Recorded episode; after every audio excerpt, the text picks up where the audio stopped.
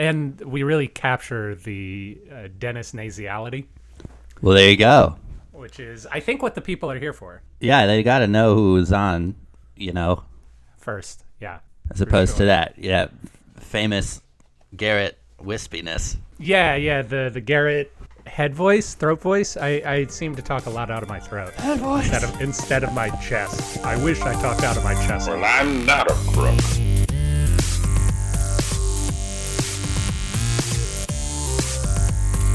Because they are hard. Welcome to Presidential Deathmatch, the only presidential debates that matter. Today's headlines Trouble with Ooh sounds, a Winfield Scott sandwich, and can you smell what Lewis Cass is cooking to displace the native population? Today we discuss which candidate is a bigger dodge bullet, Lewis Cass or Horatio Seymour, and don't let that headline fool you, it's more complicated than you might think. All that and banana bread on today's Presidential Deathmatch.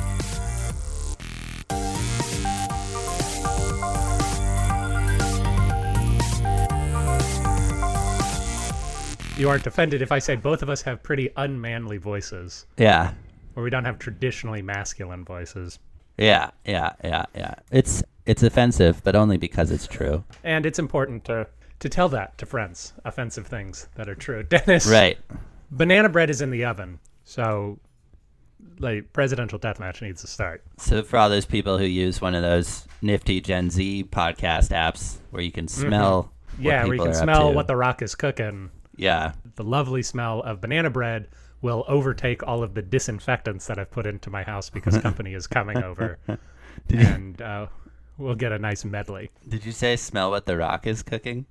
I did say smell what the rock is cooking. Like the like Dwayne the Rock Johnson?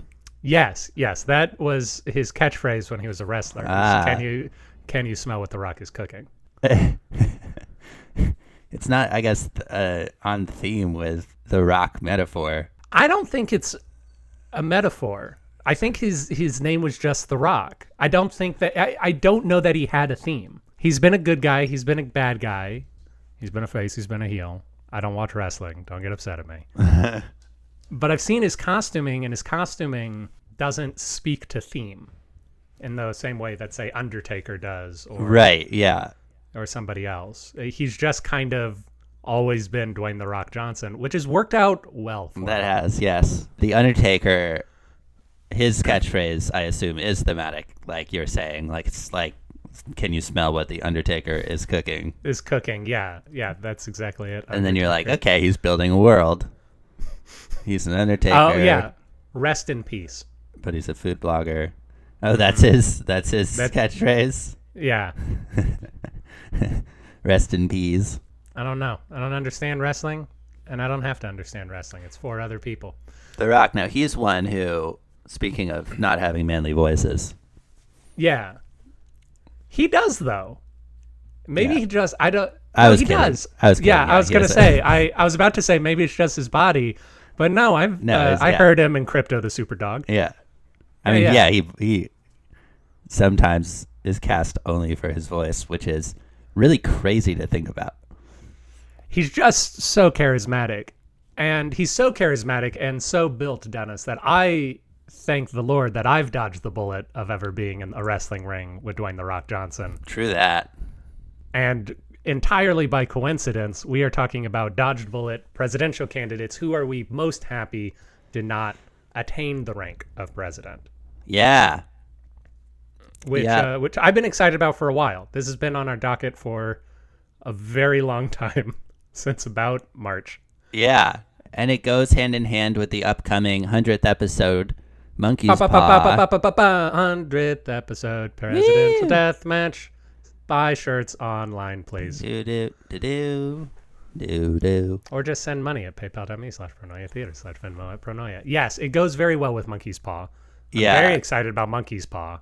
Yeah, yeah, me too. And Monkey's Paw being um, the what you wish for, but then when you think deeper about it, realize maybe you would have to be careful about, or you would maybe Right. regret it.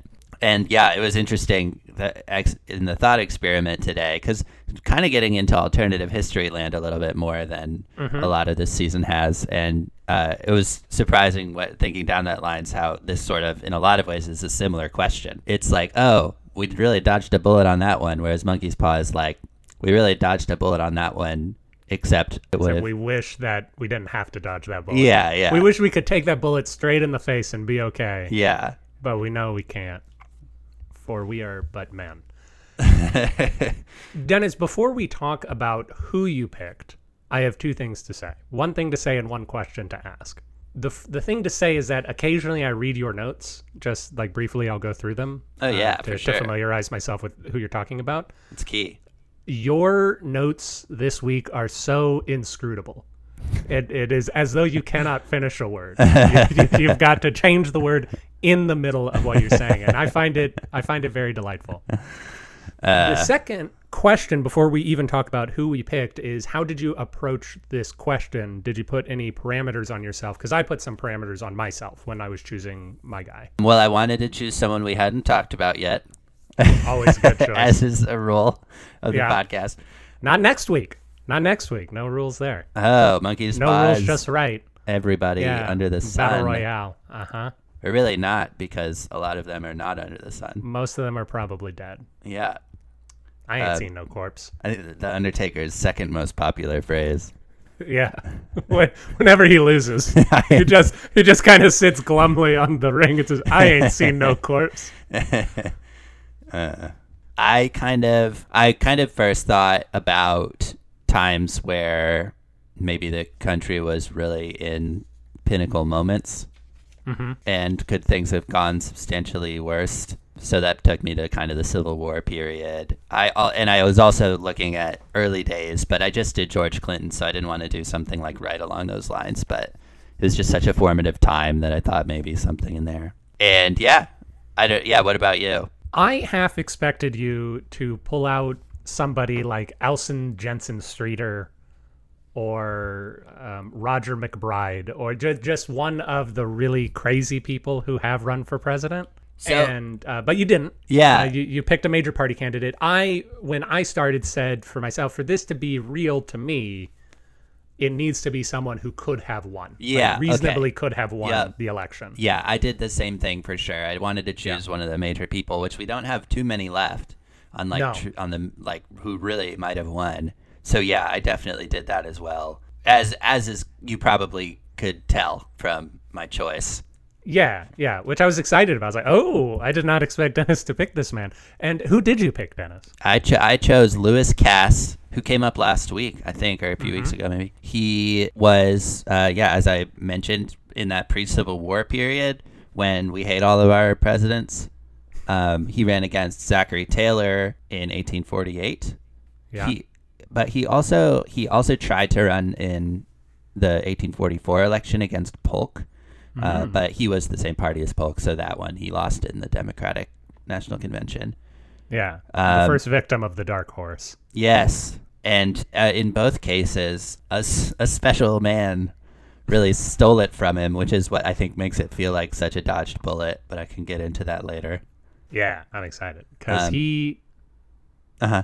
he's a glum-looking dude. He is, yeah, yeah. He he he's an interesting guy though, and he he's definitely he was kind of in the Jackson Andrew Jackson kind of clan.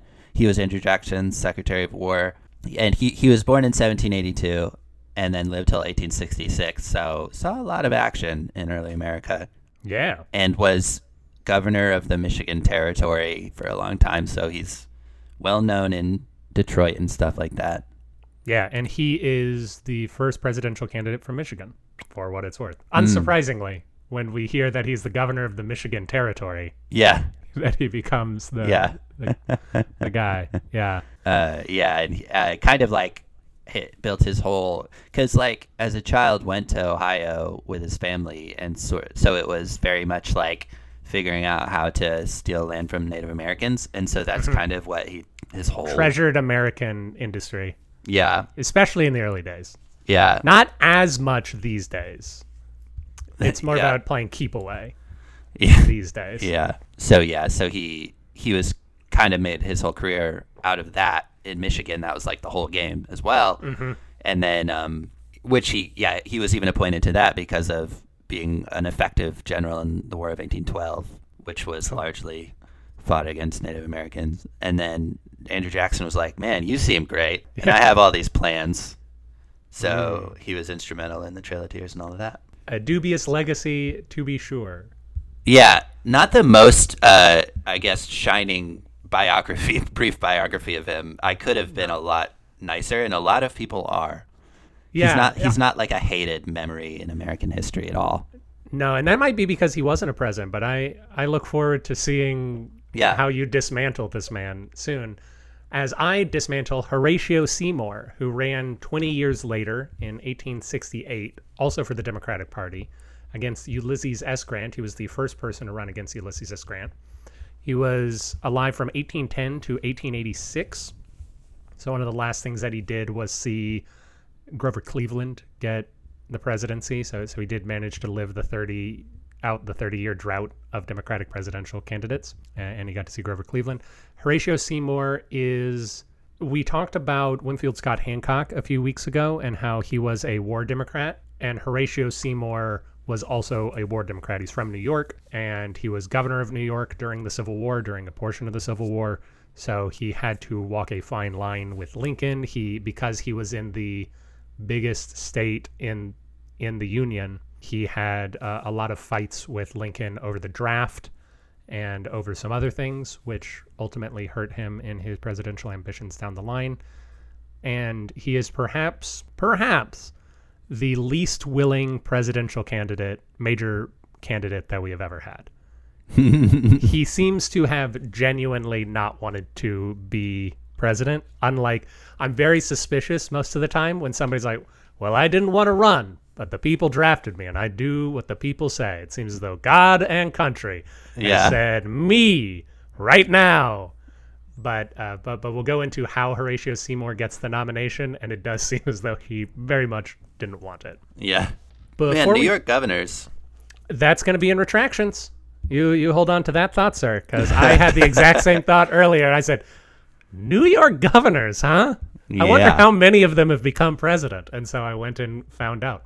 And w- so we all. So Dennis, before we go into it, you may remember a while ago I found a 1998 list of all of the major losing candidates for president, and historians ranked what they thought their their success would have been. So I just want to uh, have you guess where Lewis Cass and Horatio Seymour fall on that list. To give you an idea, in 1998 there were 41 unsuccessful candidates ranked Okay. in categories of superior, above average, average, unsatisfactory, and likely failure. So I would like you to try and guess the category, which of those designations they are in, and what number they are, or what quartile, if you find that easy. Okay, so it's kind of similar to the another ranking we talked about before, where it splits it into the four quartiles like that. Yeah, exactly. But these are not equally distributed. So I can tell you, for instance, uh, unsurprisingly, most people are in the average category. Right. Okay. from 12 Yeah. to 33 and there are only uh, looks like seven people in total and unsatisfactory and likely failure and only 11 people in superior and above average together Okay. Yeah. Ran against like in both of our cases, we're talking about presidents who were thought this is from 1998. yeah So like I think at the time Grant I know Grant's like gone back and forth on how he's remembered, but I feel like Yeah. in 98 it was when he was thought of as bad. yeah the he had not started swinging back yet And Although- certainly i don't know it is unclear as to whether these historians tried to judge against the president they ran against i think they were just saying let's look at the guy and think about the problems america faced do we think he would have succeeded because interesting. uh, for instance, um, Stephen Douglas is ranked at six. He ran against Lincoln, and I almost certainly would not have wanted anyone other than Lincoln Yeah. as yeah. president during that time. That's interesting. But on yeah, I especially on like the less significant ones, I feel like at least on some level, you, you kind of like you can't think of it without thinking of who was president and how it went and stuff. But Yeah. I could understand that they're trying not to. But in any case, I think what I was getting at there at the end of my little thing about Lewis Cass was that he, I would imagine he's probably pretty high. I don't know if he's mm-hmm. in that top eleven, but maybe I, I'm going to say number eleven. Number eleven. All right, you are incorrect. So you're saying that you thought Lewis Cass came in at the bottom of the above average category. Right. He did not. That is reserved for DeWitt Clinton, a Ah. future PDM person. Lewis Cass is actually right in the middle of the pack. He's 21 out of 41, Okay. solidly in the middle of average. All right. So that's how I feel. So pretty in line. Yeah, and Uh. Horatio Seymour. Horatio Seymour, I'll say that he goes at 17. 17. So you think he, they think he's better than Lewis Cass? Yeah. All right, that is also incorrect. He comes in at 28 out of 41 in a Winfield Scott sandwich, right between Winfield Scott Hancock at 27 and Winfield Scott at 29. Well, that Winfield Scott. Yeah. Yeah. I have to agree with him there. I don't know. I think the first Winfield Scott would have been a pretty solid president, especially if you compare him to Pierce. Especially if you compare him to Pierce. Yeah, that's fair. That's fair. Yeah. Honestly, I was looking at I well, I'll get into it later, but we talk a lot about how we try to just elect war heroes constantly. Yeah, we love him. I'm going to just for the, for my argument this week, I'm going to get into the merits of it. So, Oh, well, before we do side of that, let's break open the retraction walnut and see what's inside. so, Dennis, let's start with New York governors because, like you said, I, I said he was a New York governor, and then you were like, ah, New York governors. And I thought the same thing. So I went through and I found all uh, how many New York governors are there and how many of them ran for either president or vice president or were vice president. There's one of them who was vice president but never ran for vice president because of Ah. the Gerald Ford situation. So he, his vice president was a New York governor. he- yeah, yeah, he was Nelson Rockefeller. I feel like that really gets at the crux of it. Is like we need someone reliable. Let's just use the governor of New York. Yeah, yeah, a good solid base hit for Yeah. the most part. Uh, recent problems notwithstanding, usually, usually the New York governor pretty good uh, base hit. So, how, what percentage of New York governors go on to be candidates for president or vice president? Do you think? Twelve. 12%. I will tell you, in case you want to change your answer, that there have been a total of 57 New York governors, which is smaller than I would have thought, frankly. Fifty-seven. hmm Okay. Well, maybe like twenty-five percent. Very close. 26% of New York governors go on to be candidates. And if you remove the eight governors of New York who weren't elected, so generally speaking, a person became president or vice president, uh, and then the lieutenant governor fulfilled the term, then that number goes up to 30.5%. So if you only count elected New York governors, Oh. 30% of them go on to be a candidate for president or vice president. That's loco. Yeah, it's uh, it's good to be uh, Catherine Hochul right now. That's what I'll say. And almost certainly, uh, what's his name, Cuomo would have run for president had everything not happened. He was gearing up for, for Yeah, that, yeah. for sure. We were talking about George Clinton last week and his long tenure as governor. He is the second longest serving governor at 20 years and some odd days in American history. The longest serving governor is Terry Branstad, who was governor of Iowa for a combined 22 years. Much like George Clinton, he took a break in the middle Mm-hmm. of about a decade and a half or so. Oh, that's a long time. Yeah, Dennis, do you know what Terry Branstad, why he stopped being governor? Uh, coach football. What a great answer. No, that would have been cool. He was appointed. Terry Bradshaw. Yeah, it is a very close name.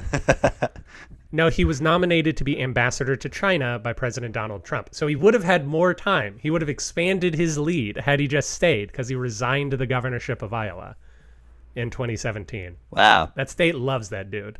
I'm sure he deeply regrets being ambassador to China during a time when we blamed China for a worldwide pandemic. Yeah, yeah. But, you know, he rolls with the punches. He was also president of Des Moines University. Fun. The third longest serving governor is George Wallace, who will appear at some point on this program because he is in our list of people. And Lewis Cass was, um, I think, at the time of his governorship, he was like, he was somehow like ahead of George Clinton, maybe with the Michigan situation. So for a while, he was held. The if you counted running. territory, yeah, if you count that territory. makes sense. Yeah. Yeah, I listened to uh, that podcast that I've listened to before about presidential losers. Yeah. I know we've talked about, Uh huh. and But we uh, never say its name.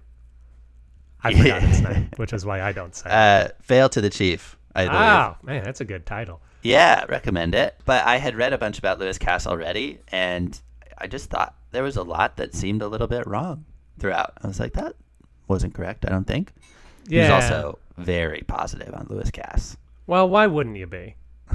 you know, we'll find out. Uh, he said, "Yeah, longest running governor of all time," and I was like, "Well, that's not true," because I had just been learning about George Clinton. You know, like we just went Yeah, over we just talked about it, and he's definitely number two, and Terry Branstad definitely.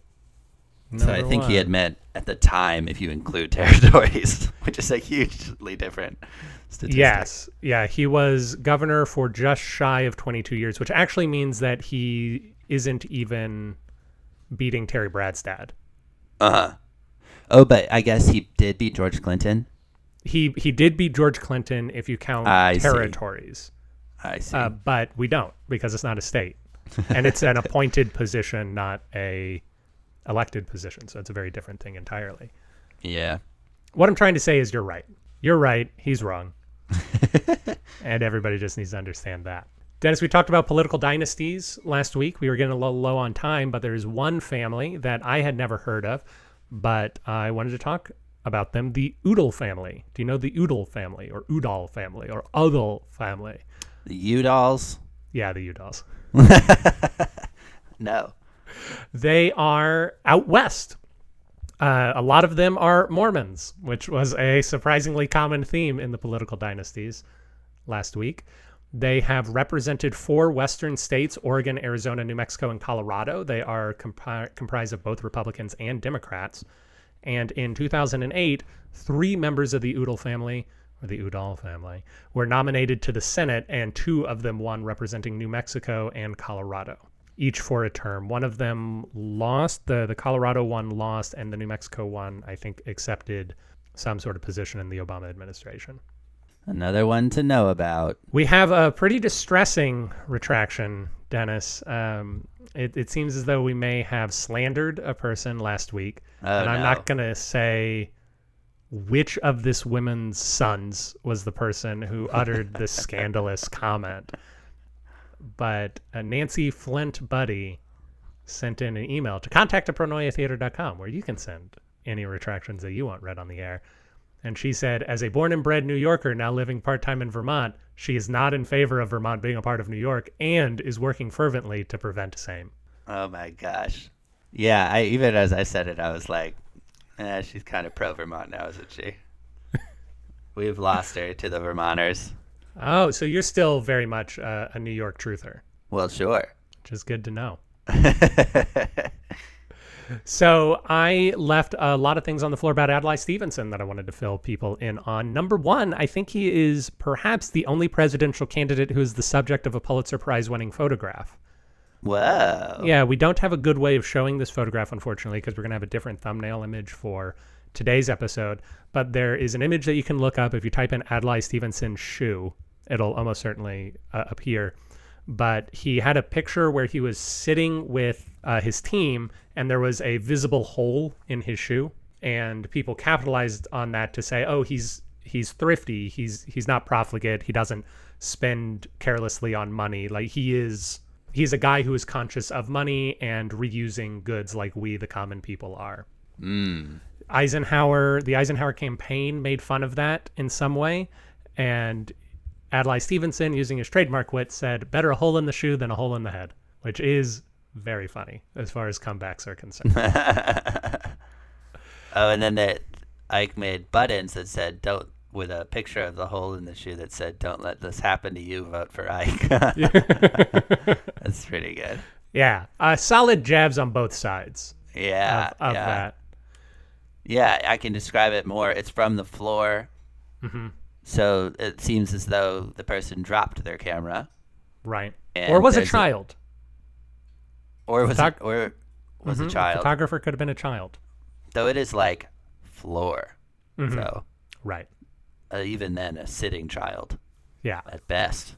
Uh, and uh, it's him on a very comfortable looking leather sofa with um like metal beads pinned in, you know, pins.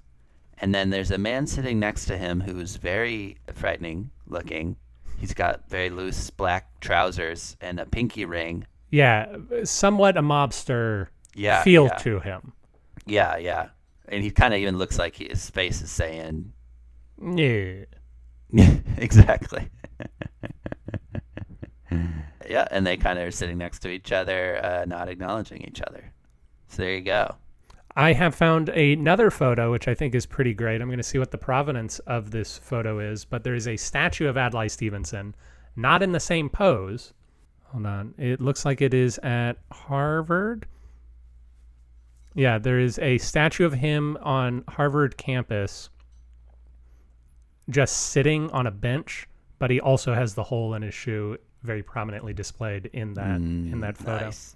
Other things about Adlai Stevenson, I included some quotes from his first acceptance speech in 1952, but he also said this quote, which I like a lot Let's talk sense to the American people. Let's tell them the truth that there are no gains without pains, that we are now on the eve of great decisions.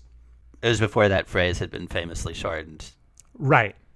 Uh, Eve No pain, no decisions. gain. Oh, that one. Oh. Of the 1952 campaign, which I think is good for understanding Stevenson as a whole, his biographer Richard Aldous writes Occasionally persuasive, Stevenson was rarely compelling, and unlike Eisenhower, he lacked any kind of rapport or common touch with large crowds. He also failed to respond quickly enough to Eisenhower's pioneering use of TV. Mm, Another- Guest had similar issues. Yeah, he hated TV. Yeah. Yeah, yeah. Big on minstrel shows, though. I don't know that that's true, but I think it would be. another another biographer, Jean Baker, says, uncomfortable with the carnival side of elections, Stevenson tried to be a man for the people, not of them, a man of reason, taking sense, not manipulation or sentiment. Liberals were attracted to the Illinois governor because he firmly opposed McCarthyism, and they appreciated Stevenson because of his style. He had clearly dissociated himself, as did many Americans, from the plebeians. He dramatized the complex feelings of the educated elites, some of whom came to adore him not because he was a liberal, but because he was not. He spoke a language that set apart from average Americans an increasingly college educated population. His approach to voters as rational participants in a process that depended on weighing the issues attracted reformers, intellectuals, and middle class women with time and money. The Shakespeare vote, joked one columnist. Or, as one enthralled voter wrote, you were too good for the American people. And I think that gets at what I was trying to say his legacy was at the end that that he is the the managerial class of the Democratic Party, the the Pete Buttigieg's of the world, who seem Mm. like they care about you, but they don't understand you. Mm-hmm. That may be unfair to Pete Buttigieg. So it's the why is it's the Shakespeare vote because it's haughty. Um, perhaps haughty, out of touch, but educated. Mm-hmm. Like it's not elitist. These aren't people who think that they're better than you, but they are people who know that they're different from you. Is how I would put it. Right. He's he's like he's speaking to all the things that he should be speaking to, but he's using Shakespearean language. I see. Yeah, if you look at uh, back in 2016, there's a, a fairly famous video interview where Hillary Clinton goes to a regular person's apartment and is clearly uncomfortable. She's so visibly uncomfortable being around what is a normal amount of wealth in this country, and it's that idea. It's the it's the feeling that you're not one of us, um, which Yeah, which yeah. does hurt, and and I wish we could get away from it. This is uh, there are three. I forgot this joke. Uh, so there are three things that I want to finish off. One of which is a bad side of Stevenson that I think is important to know. One of which is a good side of Stevenson that I think is important to know. And one of which is an incredibly dark joke. And Dennis, if you don't laugh at it, I will probably cut it. Okay. So Stevenson's governorship coincided with the second Red Scare, and during his term, the Illinois state legislature passed a bill that would have, quote, made it a felony to belong to any subversive group and would have required, quote, a loyalty oath of public employees and candidates for office. This is something that I, Aaron Garrett, would very much be opposed to. I think that this Right. is this is wrong and this is using state power incorrectly. Stevenson vetoed the bill. In his public message regarding the veto, Stevenson wrote, Does anyone seriously think that a real traitor will hesitate to sign a loyalty oath? Of course not. Really dangerous subversives and saboteurs will be caught by careful, constant professional investigation, not by pieces of paper. The whole notion of loyalty inquisitions is a natural characteristic of the police state, not a democracy.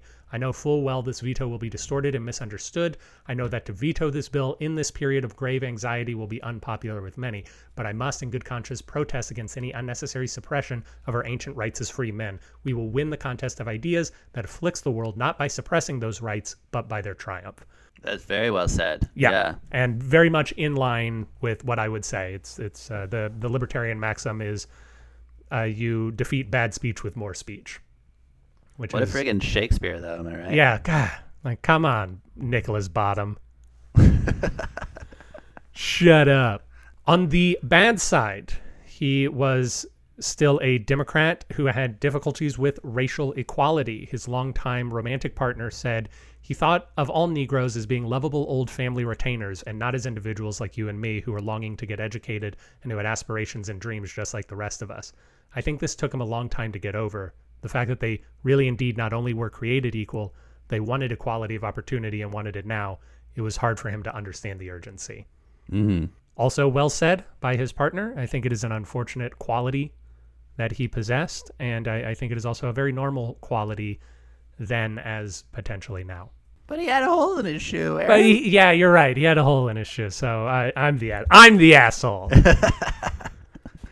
Finally, Adlai Stevenson, shortly before he was the UN ambassador during Kennedy's administration, and he went to Dallas a few weeks before before Kennedy's assassination, and there he was received very poorly. I think he, people threw eggs at him or threw vegetables at him. Like it, it just did not go well. And he made a note to tell Kennedy, maybe, uh, eh, maybe limit your time in Dallas. They don't really like us down there. He did not do that, and of course, Kennedy ended up getting assassinated in Dallas in November of 1963. And upon hearing that, Adlai Stevenson said, "What many Texans have always thought: that Dallas, why, why didn't I insist that he not go there?" Dallas is the worst. Amen. Des, do you have anything for attractions this week? I think I'm good. I, I uh, the one the Lewis Cass thing that came up was that uh, shoot, I forgot now again. It was in the presidential libraries episode. No, that that was Breckinridge. It was the story about Breckinridge not voting for Lewis Cass because he went on a hunting trip, and he said, Right. "Everyone should be thanking me. I took 11 votes away from from Zachy T, Yeah. Yeah. Mastodon." John Breckinridge out. Uh, well, Dennis, could you please put the retraction cake in the oven, and then we'll move on to our regular. Yes. It, it's gonna mix with that delicious smell of banana bread. It's now gonna be the smell of toasting walnuts. Mmm. Presidential deathmatch regrets the errors, but not the redolence. Speak softly. So I think the best way to handle this, Dennis, will be for you to present your story of Lewis Cass, who he was, and why he would have been a bad president, and then I will present my story about Horatio Seymour. Before we do that, though, I want to go back to the historical survey that we talked about earlier in the episode. Historians, as of 1998, felt as though George Wallace and Ross Perot were the the worst major candidates to ever be around. How recent was George Wallace? George Wallace ran in 1968, I believe. Mm, okay. Uh, he also Yeah. ran in 72 or 76, but his major one was 68. I had a feeling that the strongest opinions would be like in more of the recent decades. Yeah. And interestingly enough, both also third party candidates. Mm, yeah. Who like kind of took the country by storm a little Yeah. bit. So it's also just that frustration with populism. I think so. And they're the only two, Ross Perot and George Wallace, to be rated as likely failures, whereas the worst major party candidate was just rated as unsatisfactory, below average. Mm. Which I disagree with Alton Parker being un unsatisfactory, personally. Alton Parker's, I think, would have been a great president, but uh, I'm not here to argue against the 1998 Historians Poll of Prospects for Success Presidential also rans. Just to illuminate it. Mm, Make right. your own decisions, listeners. Dennis, please talk about Lewis Cass. please speak on. Well, so um, he, so the the cliffhanger from before was uh, who who stepped in and took this away from him, mm-hmm. and uh, it was it was uh, do you you know who it is? I assume. Van Buren. Yeah.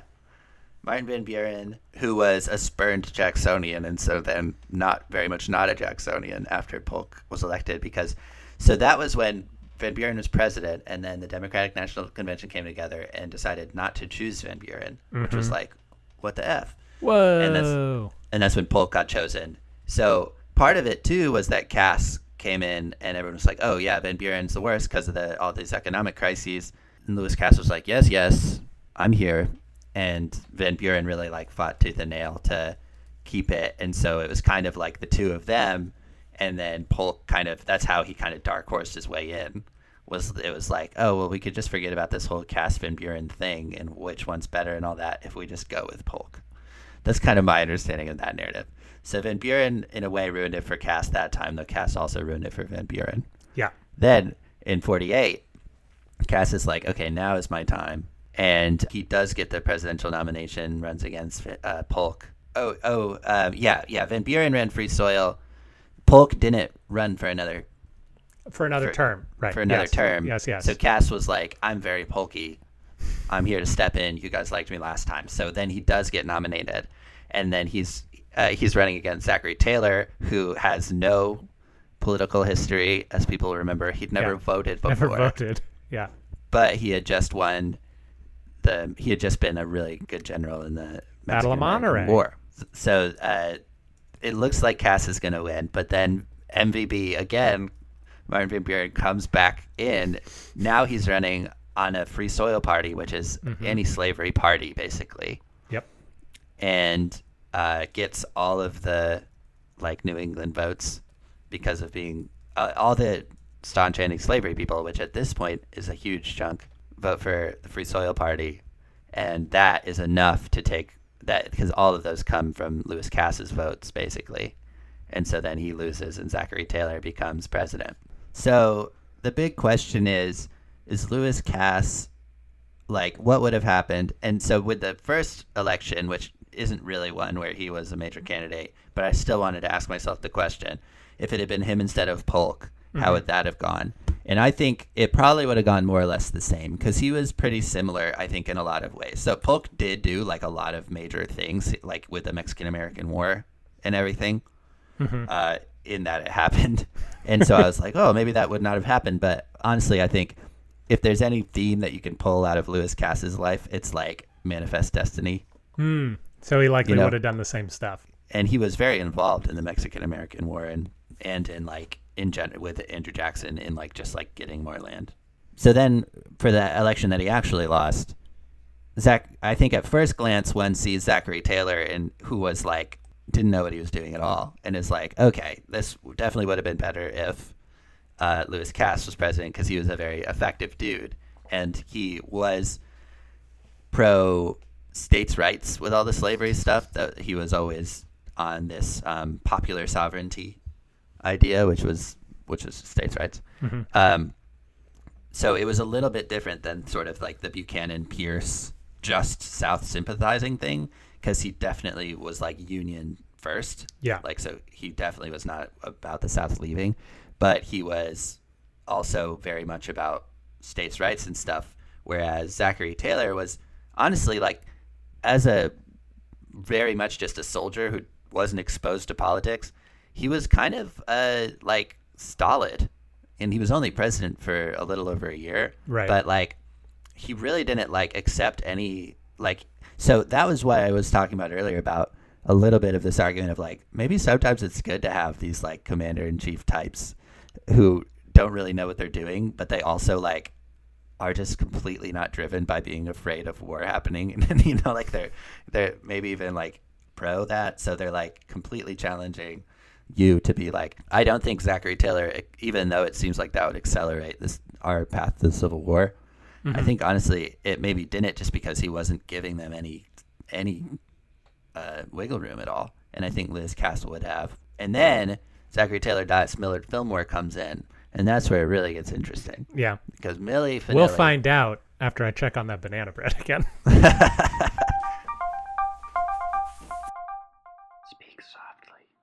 So Millie Finelli. So, way that all of these presidents were remembered for a long time, from Zachary Taylor to the Civil War to like to Lincoln, mm-hmm. is that they were just bad and that they caused the Civil War to happen.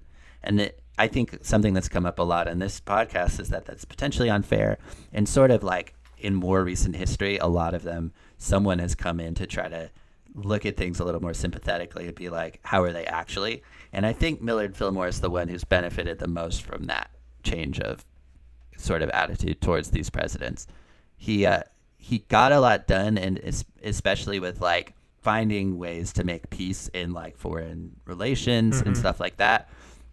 And he also he got the Compromise of 1850 done really quickly, which like has a lot of bad elements and stuff, but it's probably like the one thing in all of that time that actually maybe slowed down the Civil War from happening. Yeah. Would that have still happened with Lewis Cass? I don't know. I think there's a good chance the Civil War would have happened sooner. Mm-hmm. Uh, maybe you know, maybe he would have figured something else out. But but I think uh, I think we really dodged a bullet because I think he was pro- maybe more more pro the South, and then and then one wonders what would have happened with all of that. You know. Mm-hmm. But it is a tough question too, like what should have happened because I think it's always talked about as like this time in history where everyone is terrible and it led to this terrible thing happening. But I don't think anyone has a vision for what should have happened. Uh, the only vision I've ever found for what should have happened is that they should have like not allowed slavery when they wrote the Constitution. Yeah, You yeah, know, like- yeah, yeah. The uh, I, I believe there are people who say that the Civil War should have happened sooner, Mm-hmm. because at the very least, if it was going to happen anyway, which was impossible to know at the time whether it was going to happen or not happen, but if it happened sooner, then more people would have gotten out of slavery faster. But but And yeah, I right. guess an argument on the fail to the chief that he was talking about was that the South set up a high performance savings account, and so like if we'd had Mm-hmm. the Civil War sooner, that would have been less time for them to accumulate interest, right. so they would Which have is had fewer true. resources. But that being said, yeah, in general, we're going to talk about this a little bit when I talk about Horatio Seymour. Slavery and racism in general breaks a lot of our usual wants and desires for politics because it's such a heinous institution that you want to get rid of it immediately. But, Yeah. but politics is not su well suited to do that, or normal politics isn't well suited to do that. So, under most normal circumstances, I would say yes. Uh, preventing war is always a good thing, but eh, maybe not. Maybe not in this case. Yeah, totally. But yeah, Lewis Um, Cass definitely would have acquiesced more. I think Lewis Cass would have been more like uh, Pierce and Buchanan. Right. Yeah. Even though, yes, like he though he wouldn't have. The one thing that was different was he ended up as Secretary of State for Buchanan as well, even though he was like ancient. Yeah, And when Buchanan, when this, when Lincoln got elected, so it's end of Buchanan's whole situation, and that was what caused them to declare that they were seceding in like South Carolina or somewhere. that was the first one. and can and then they literally go to like get all the weapons from their armory. Lewis Cass went ran into Bu- the Oval Office and was like, "Dude, you got to like send in the Federal Army to like block off the armory." hmm And Buchanan was like, "No, I- Nah. I can't. Like, I just can't. I, it's all too insane." And he and Lewis Cass said, "Well, then I resign." Yeah, which is in God Kings episode three. We Ah. dramatize that exact situation. Do you take the angle that Lewis Cass could have just gone ahead and done all those things because Buchanan was clearly was clearly in a, a paralyzed state? No, no, we we do Lewis Cass as more of a God. This idiot. Jeez, Jesus, this guy. Oh my God, I'm I'm gonna go. I'm gonna go. I I have to quit. I don't want to quit, but I am I am done. I am done. That's probably what it was like. Anything else Well, yeah. on Mr. Cass? So I feel yeah. So that's why as I started to come to the end of it, I was like, would this have been better for Monkey's Paw? I don't know. I do. I think that an argument can be made that we dodged a bullet because of uh, some of the stuff that Millard Fillmore accomplished. Mm-hmm. I think it's definitely true that we dodged a bullet of having four Democratic presidents presidents in a row immediately prior to the Civil War Yeah, yeah. because Gotta have some wigness. yeah, wiggy wiggy wiggy. Again, I apologize. I apologized several weeks ago. I was told that I didn't have to for that joke that I made. I feel as though I must for this joke. Is it time to talk about Horatio Seymour, Dennis? It is.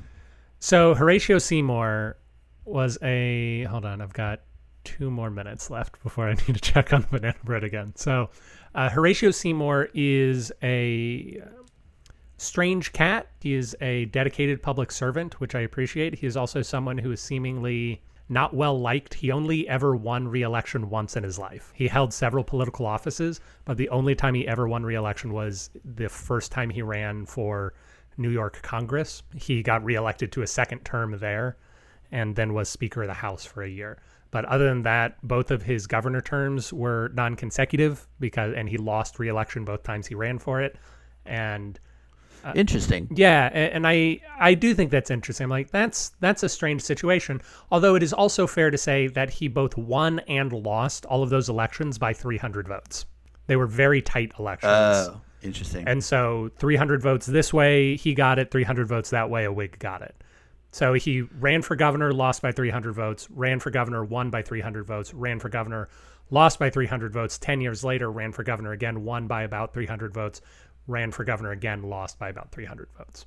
Wow, crazy. So it also speaks to just a tightness in the New York legislature, in the New York uh, state area. Right, yeah. Just gonna say, you look at Millie Vanilli and you look at Van Buren, both of whom are also New York politician people. Neither of them got reelected, but then they both came back and ran again in third parties in hopes that that would be successful. Teddy Roosevelt, another New York politician who didn't get win re-election when he tried to get it, and then came back and ran in a third party. Well, that uh, that's not exactly true. I don't think he didn't run for re-election to a second consecutive term. Oh, he didn't. No, he he, he, said right after the 1904 election that he was not going to run for a second elected term, oh, nine yeah, per year, yeah, 12 yeah. in office, and then he came to deeply regret that choice. So he uh, Horatio Seymour is a New York Democrat, New York Democrat his entire life. He's born in Utica, New York. Utica. Utica. Oodle. Udall. and he is mayor of that particular town uh, during his lifetime. His father committed suicide. That's going to come back to hit him later on when he runs for president, uh, although, again, he doesn't want to. He gets involved in a New York spat called the Hunkers versus the Barn Burners. Dennis, do you know what the spat about the Hunkers versus the Barn Burners is? Mm, I remember the Barn Burners vaguely but I, I, I remember learning why they were called that and being like, man, that does not resonate. I think it does actually. I, I wrote down why yeah. why it uh, appeared. So the bar, barn burners originated as an insult, but then they later just took it as a prideful term, sort of like yes. Yankee.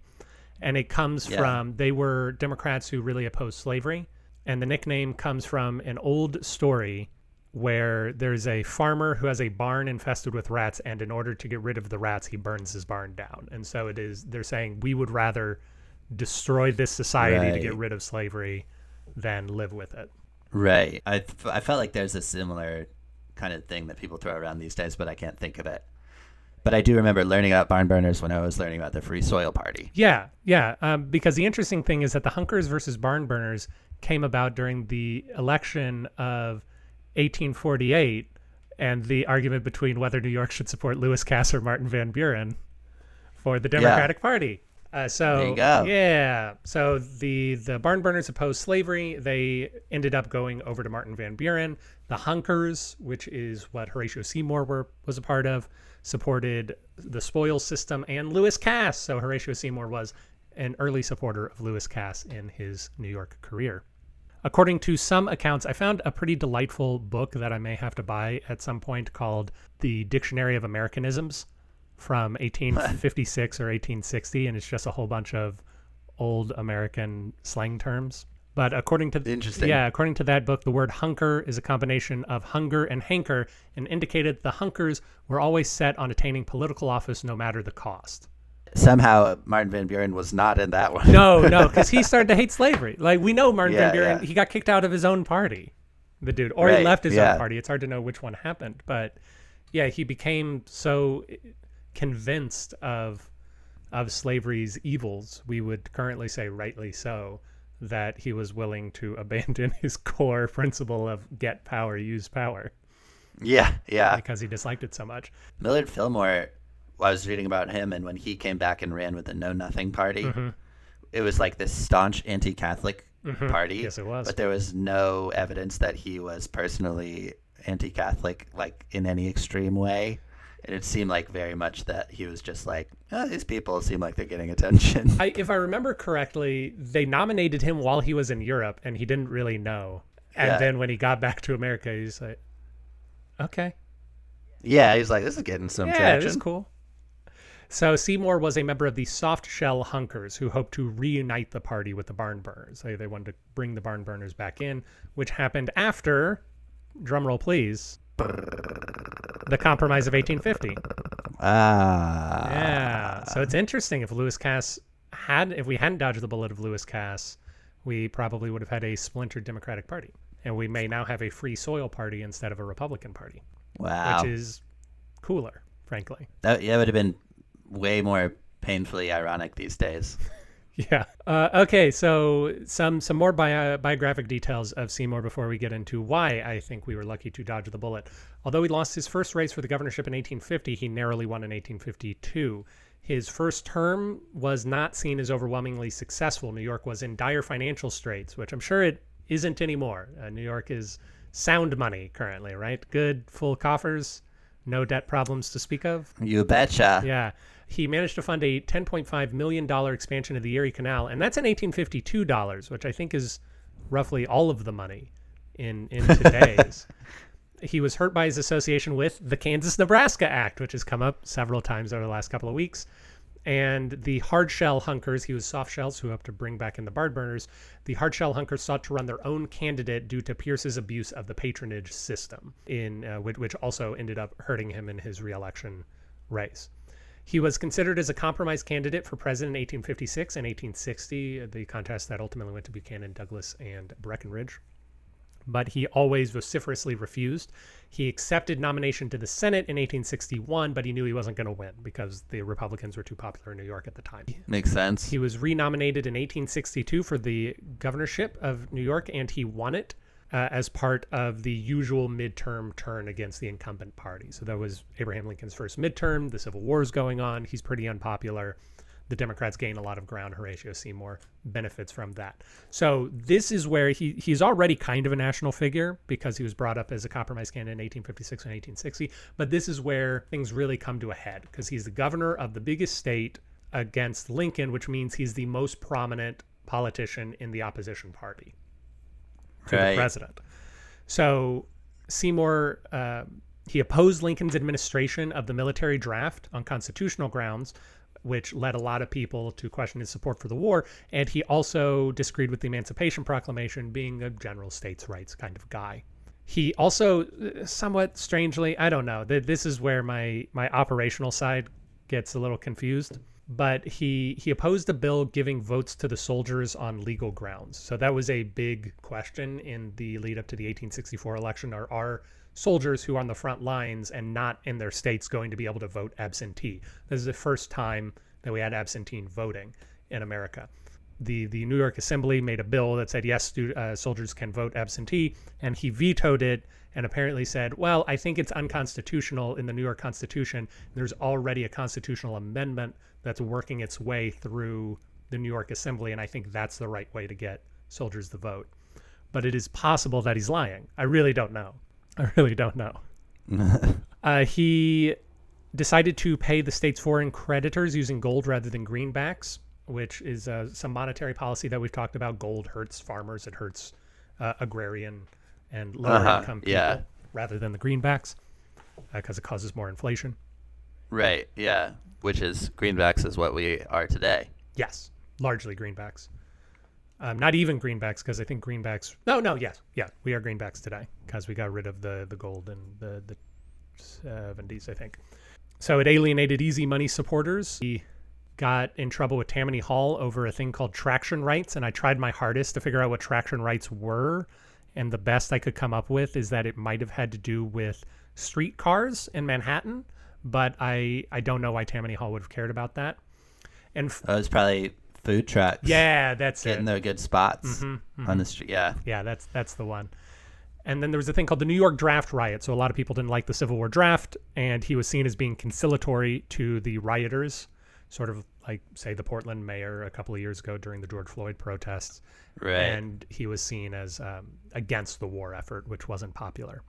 In 1864, he's elected permanent chair of the DNC, and he continues to be prominent in the DNC even after his defeat for re-election again to the New York governorship. People want him as a compromise candidate in 64, which ultimately goes to McClellan, but he declines, which sets the stakes for 1868. okay. 1868.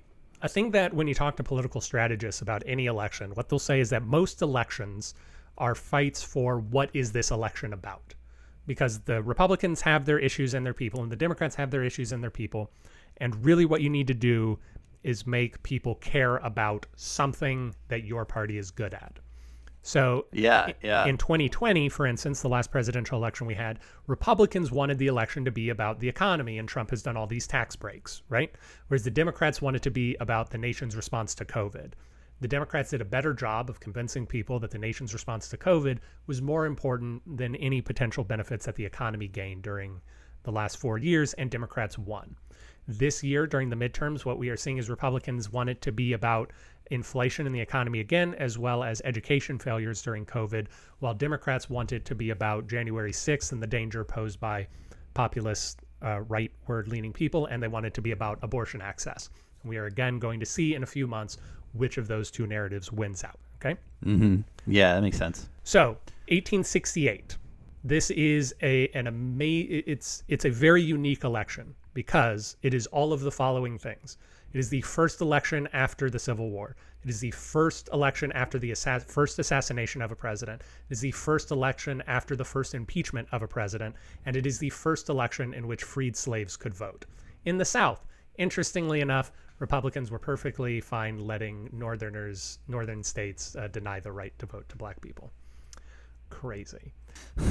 but uh, but but it, it's a big weird election. And another thing that's Yeah. important to know about this election is that the Republican Party has only won one presidential election. In 1864 was technically the National Union ticket, and Andrew Johnson, a Democrat, was on the ticket. So 1868 is the year, uh, like in the reality we live in, it is a year that cemented Republicans being the dominant presidential force over the next 60 years up until FDR's Right. election. But it didn't Yeah. have to be. If Seymour won, it could have proved that the Republicans can only win when the nation is divided because the only time they have won so far is was in a four-way race where Lincoln got Right. 40% of the vote or less. So it is an important election in that way. Are Democrats going to be able to retake their their national prominence? And if they are, what's going to happen to Reconstruction? Because ultimately, that is the topic on which this election hinges: is how has election uh, how has Reconstruction gone? Do we want it to become stricter under Ulysses S. Grant, or do we want it to become more lenient under Horatio Seymour? With that, let's hop back into the conversation about how Seymour got to be the candidate and why he was reluctant. So he has thus far, like he's denied being president three times. People came to him and said, Do you want to run for president in 56, 60, and 64? He says no. 68, they come to him and say, Hey, you should run for president. We'd really like you to. And he says, No, please elect my friend Salmon P. Chase instead. And the people said, Hey. Nah. Salmon P. Chase was a super abolitionist. Yeah, I don't know if he moderated that opinion once he rejoined the Democratic Party, though. hmm It's a little unclear. He he had a wild ride. The the votes are going between Thomas Hendricks, Salmon P. Chase, Andrew Johnson gets about 60 votes on the first ballot. And after 20 ballots or so, it might have been the 12th ballot, Ohio says, "Okay, we're going to give our elect we're going to give our nominating votes to Horatio Seymour, who's the president. He's the guy reading everything out." And he says, uh, he reads his name and then he says, I must not be nominated by this convention as I could not accept the nomination if tendered. My own inclination prompted me to decline at the outset. My honor compels me to do so now. It is impossible, consistently with my position, to allow my name to be mentioned in this convention against my protest. The clerk will proceed with the call. And then a few votes later, his name appears again. And he, and he says, I have no terms in which to tell of my regret that my name has been brought before this convention. God knows that my life and all that I value most in life I would give for the good of my country, which I believe to be identified with that of the Democratic Party. And then someone yells out from the crowd, Take the nomination then. And then he says, But when I said that I could not be a candidate, I mean it. I could not receive the nomination without placing not only myself, but the Democratic Party in a false position. God bless you for your kindness to me, but your candidate I cannot be. Some more votes go down the line. His name keeps appearing. He keeps getting agitated. And he says, I need to take a break. And he, then he leaves the hall and goes outside. And while he's outside, everyone switches their votes to him and nominates him for No president. way. That's so funny. Yeah. Wow, that's wild. Yeah, and he seemed to really not want it. He, of course, loses in 1868. They try to nominate him again in 1876. And he's like, guys, no, no, Yeah, I don't I do don't want to do this. Please stop it. So the thing is, Dennis, right now I've been talking about how Horatio Seymour seems to be a pretty middle of the road guy. He doesn't want power, which is something that I like. He is concerned about process, which is something that I like. He's concerned about taxes and, and things and, and overall he seems to be a decent governor and a well-liked person so why do you think i think he's our dodged bullet candidate what could what could be bad Well, uh, earlier you mentioned that the decision was about whether we wanted to be more lenient with Reconstruction or more stringent, yeah and we chose more stringent path with Grant. And Grant Grant's issues were mostly surrounding like political corruption, but like the Reconstruction side of it. Oh, I guess had yeah, I, he at least I think more stringent was the right way to go, probably. i would agree ultimately horatio seymour's a racist and that Right. and at this very tenuous time in america's history uh, right now in the election of 1868 not all of the states are back in the union I think it's Texas, Right. Mississippi, and Virginia don't get to vote in that election because they have not accepted the terms of Reconstruction yet. We don't have the 15th Amendment, which is what guarantees the right to vote to all black people. And we can see in 1876, eight years later, when Reconstruction does end, that, that like things immediately go bad. Like we need the Civil Rights Acts of 1955 and 1960 and 1964 in order to get things to where they were supposed to be in 1870. Yeah. So if we end this in 1868 with this election, I don't know what America looks like because there are. Um, so one of the things that Grant does, because I, I looked up a lot of Grant's achievements, like you were looking up a lot of Taylor's uh, and, and Right. Fillmore's achievements. Black people can't become citizens yet in America. They're free. They're not slaves, but they're not allowed to become citizens until there's a law passed in Grant's administration. Yeah. That's really important. yeah. The the Yeah, Fifteenth similar- Amendment guaranteeing the right to vote that doesn't come out until Grant's. Right. It's similar to uh, Millard Fillmore, like what I was saying, except more so probably that he was remembered negatively in a lot of ways, but more recently, people have looked at it a little closer and been like, maybe he really like was who we needed at that time, and it just was never going to go super super well. Right, but but we, but but it had to happen, and ultimately, I think that if Horatio Seymour is elected, because we're going to talk about how overtly racist his campaign is in just a second with a few choice words, but I I think that we demonstrate if we elect Seymour, we demonstrate that we don't care a whit about black people, about their equality in society, and I don't, I can't really brook that even if his administrative skills are something I would like Right. because even with people who were committed, Ulysses S. Grant and Rutherford B. Hayes, we talked about, and Benjamin Harrison, how they all cared about voting rights for black people and how they wanted them to be more integrated into society. Even with presidents trying hard to do things, we backslide almost immediately. Right. Yeah. Uh, and, and granted, starting around McKinley, we stop having we stop having presidents who who are making it a point to help black people out around 1896 we kind of throw up our hands and say well i guess you've got to figure it out now. But uh, but but still it is it is a turning point or it is a point at which america could say all right they're free they're on their own. Uh, america is for white people and they can hang around if they want to uh, or we can we can try the very hard and ultimately unsuccessful thing of of protecting protecting them and building them up in society. And although it failed, I don't think it was doomed to failure, and I think it was important to try. Yeah. So his 1868 campaign prominently features declaring Horatio Seymour as the white man's candidate, and it calls Grant a word we don't like to say. Uh, Just straight up the N word. yep, just straight up the N word. He is the N word Like candidate. not even like not not the N word sympathizer. no, no, the, he, he is the. N word candidate. Is Ulysses S. Grant. The the very famous poster. If you look up Horatio Seymour's poster, the it says uh, our motto: "This is a white man's country. Let white men rule." How's that happening so soon after the Civil War? That it, Mm-hmm. it's like, it's like, what what, like because uh, presumably there was interest that they were assuming there was interest even in like the North and everything. Yeah, and there was he win, he wins New York in in Right. 1868. I think it's because there's a difference between slavery and equality. You cannot be a slave and still not be equal. We can see that with Native Americans throughout the entire history of America. They they're sort of told get with the program. And there's a uh, there's a statement. They, there are actually a couple of things. I, I don't know how deep we want to go into it. They they recently did a very sad study where it showed that if you identify as a member of a group and there is uh, someone who is in a different group than you, it doesn't matter whether you lose anything. You perceive the other group gaining something as you losing power. So, so they talked about it in the sense of they you have you have like the circles and the squares, and we're going to sort people into circles and squares. In reality, they sorted sorted everybody into circles, and there was nobody who was a square and they said, "All right, so we've got this much money. We're going to pay out bonuses. We're going to give uh, 15 bonuses to the circles. We're going to give three bonuses to the squares. Are people okay with that?" And people said, "Yeah, I guess we're mostly okay with that. I'm a circle. I, I'm pretty happy with that." And then they uh, came back a week later and they said something along the lines of, "Hey, we found some more money, so we're going to still give 15 bonuses to the circles, but now we're going to give five bonuses to the squares instead of threes. How do people feel about that?" And they said, "No, that's unfair." Why are the squares benefiting?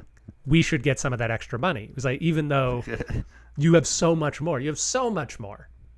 Yeah, Uh, and and so the the people who were running the study said this is a pretty disheartening thing that we found in human beings, and and we can see that whether we're talking about gender equality or racial equality or sexual orientation equality or or anything of that nature. So I think that probably a lot of these people found that a focus on the rights of black people and a focus on reconstruction was meant, hey, I'm a farmer and I can't pay for things because gold is crazy right now. And what are you going to do about that? Why are you focusing on them? right. You should be focusing on me. We helped them. Yeah. We did the thing for them. Yeah, Let's help yeah. me. And I think that's that's at its heart. Right. Yesterday we were downtown and there was a Texas Tribune festival going on and part of it was free and outside and stuff. So we went to this uh, panel and saw Annise Parker Oh, and uh, a woman named Oni Blair, who's the executive director of the ACLU. Hmm. Um, and it was really it was about women in Texas. It was really interesting. Um, and you just kind of going talking through that was reminding me of it because they had a lot of very good points about the history of these things yeah. And about where it is right now and everything. I think you would have liked it. You would have liked it because then we went down to the next tent, and uh, it was Alex Moffat Oh, from SNL, yeah. So, just doing What- an interview yeah. about. what, about- what a wacky event. Yeah, it was very loosely connected because he did a Joe Biden impersonation. I see. so Seymour, his vice president is a man named Francis Blair. He has a reputation for outspokenness against Reconstruction to the point where future nominee Samuel Tilden asks Blair to confine his campaigning to Missouri and Illinois lest he destroys the chances of the Democrats winning. The Hartford Post, in what I think is one of the funnier things said about a presidential candidate, calls Horatio Seymour almost as much a corpse as James Buchanan, who just died. oh no! And then they also allege that insanity ran through Seymour's family, citing the suicide of his father, which I think is not Super good. Yeah, insensitive. yeah. That is not something I want to see people doing. The popular vote in the election is much closer than expected. Seymour wins about 47% of the popular vote, whereas Grant wins about 53. And it is one of the tightest elections in American history in the sense that only 46 ballots in the entire country were cast for someone other than Horatio Seymour or Grant. So What? That's crazy. yeah, so we we generally laugh at third parties who get 400,000, 500,000, a million votes and say, you know, they've got no chance of winning.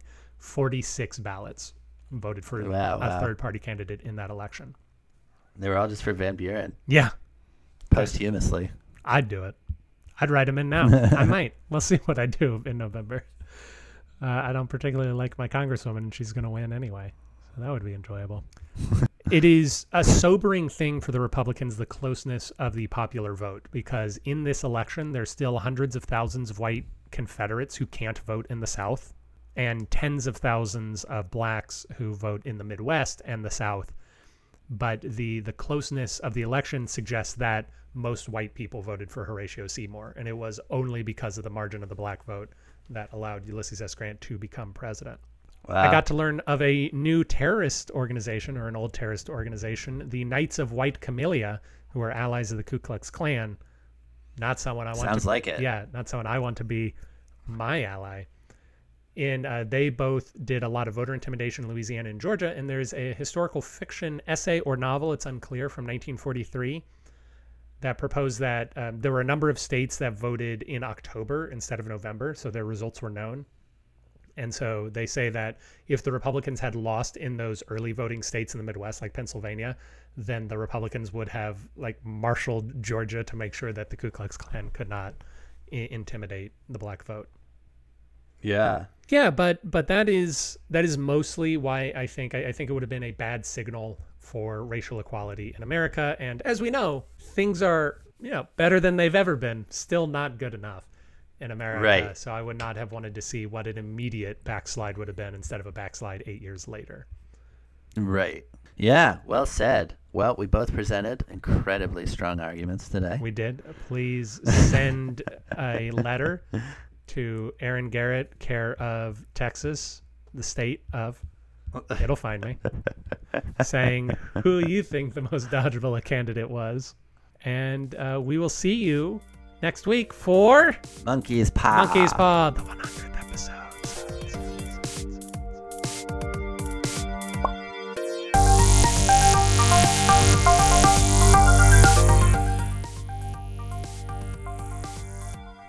Thank you for listening to Presidential Deathmatch. Presidential Deathmatch is hosted by Aaron Garrett and Dennis Buddy and edited by Aaron Garrett. If you like the show, please consider giving us a review wherever it is. You can do that, we'd really appreciate it. If you didn't like listening to the show, well, why don't you come on back and give us another try? We really grow on you. If you want to reach out to us, you can do that at contact at pronoiatheater.com. You can also support the show in a variety of ways, including at pronoiatheater.com slash store. We hope you enjoyed it, and we hope to hear from you soon.